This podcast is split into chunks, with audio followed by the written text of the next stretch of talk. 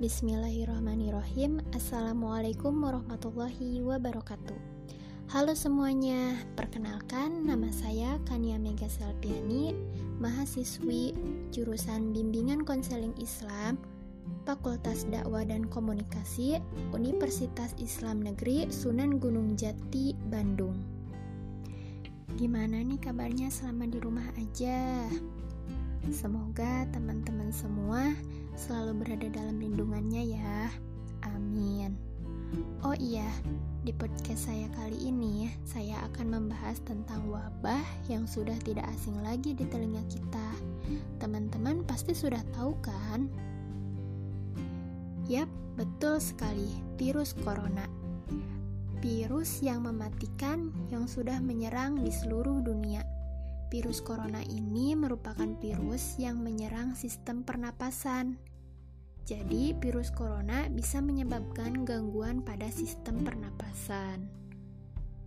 Gejala-gejala yang timbul dari virus ini di antaranya demam, batuk, dan sesak napas. Namun, ada pula orang-orang yang terinfeksi virus ini tanpa gejala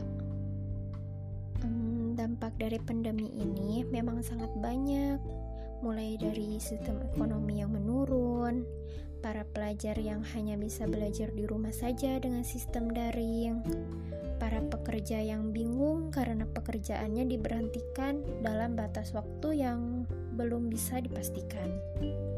Dan tentunya masih banyak hal lain yang memang dirasa cukup meresahkan saya sempat berpikir juga bahwa segala sesuatu yang terjadi pasti ada hikmah di baliknya. Tetap berpikir positif ya, teman-teman.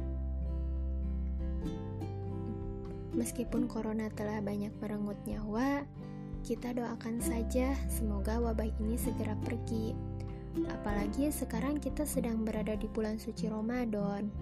Mungkin banyak orang-orang yang merindukan suasana Ramadan seperti biasanya.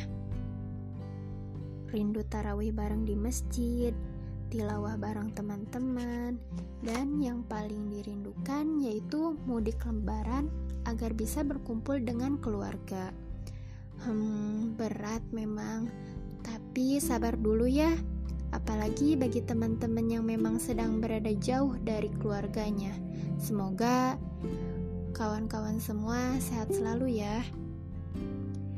Nah, agar kita bisa terhindar dari virus corona ini, ada hal-hal yang harus dihindari, yaitu dilarang menyentuh area mata, mulut, dan hidung sebelum mencuci tangan.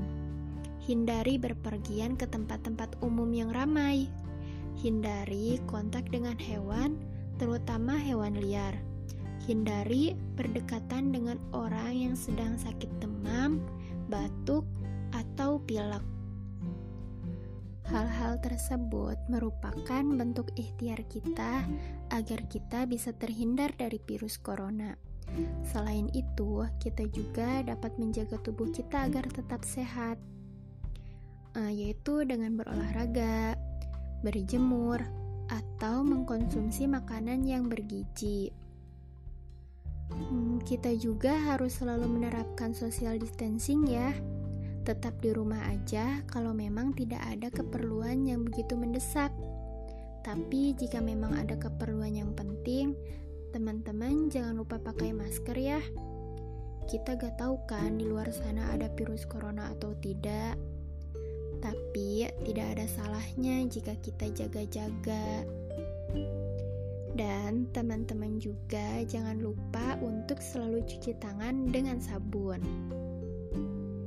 Berita mengenai wabah ini tak hanya berdampak pada fisik, tetapi juga pada psikis kita.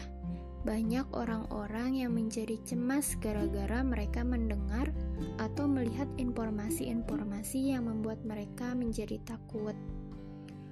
Nah, untuk mengatasi hal itu, teman-teman jangan lupa untuk selalu berpikir positif dan rasional. Sebab dengan begitu, teman-teman dapat menenangkan perasaan di tengah gelombang kabar mengenai corona. Opsi tersebut akan meminimalisir stres dan akan meningkatkan imunitas tubuh kita. Oh iya, yang paling penting teman-teman jangan lupa agar selalu berdoa ya, agar wabah ini cepat berlalu. Um, mungkin itu saja ya yang dapat saya sampaikan di podcast kali ini. Terima kasih telah mendengarkan, semoga bermanfaat. Akhir kata, wassalamualaikum warahmatullahi wabarakatuh.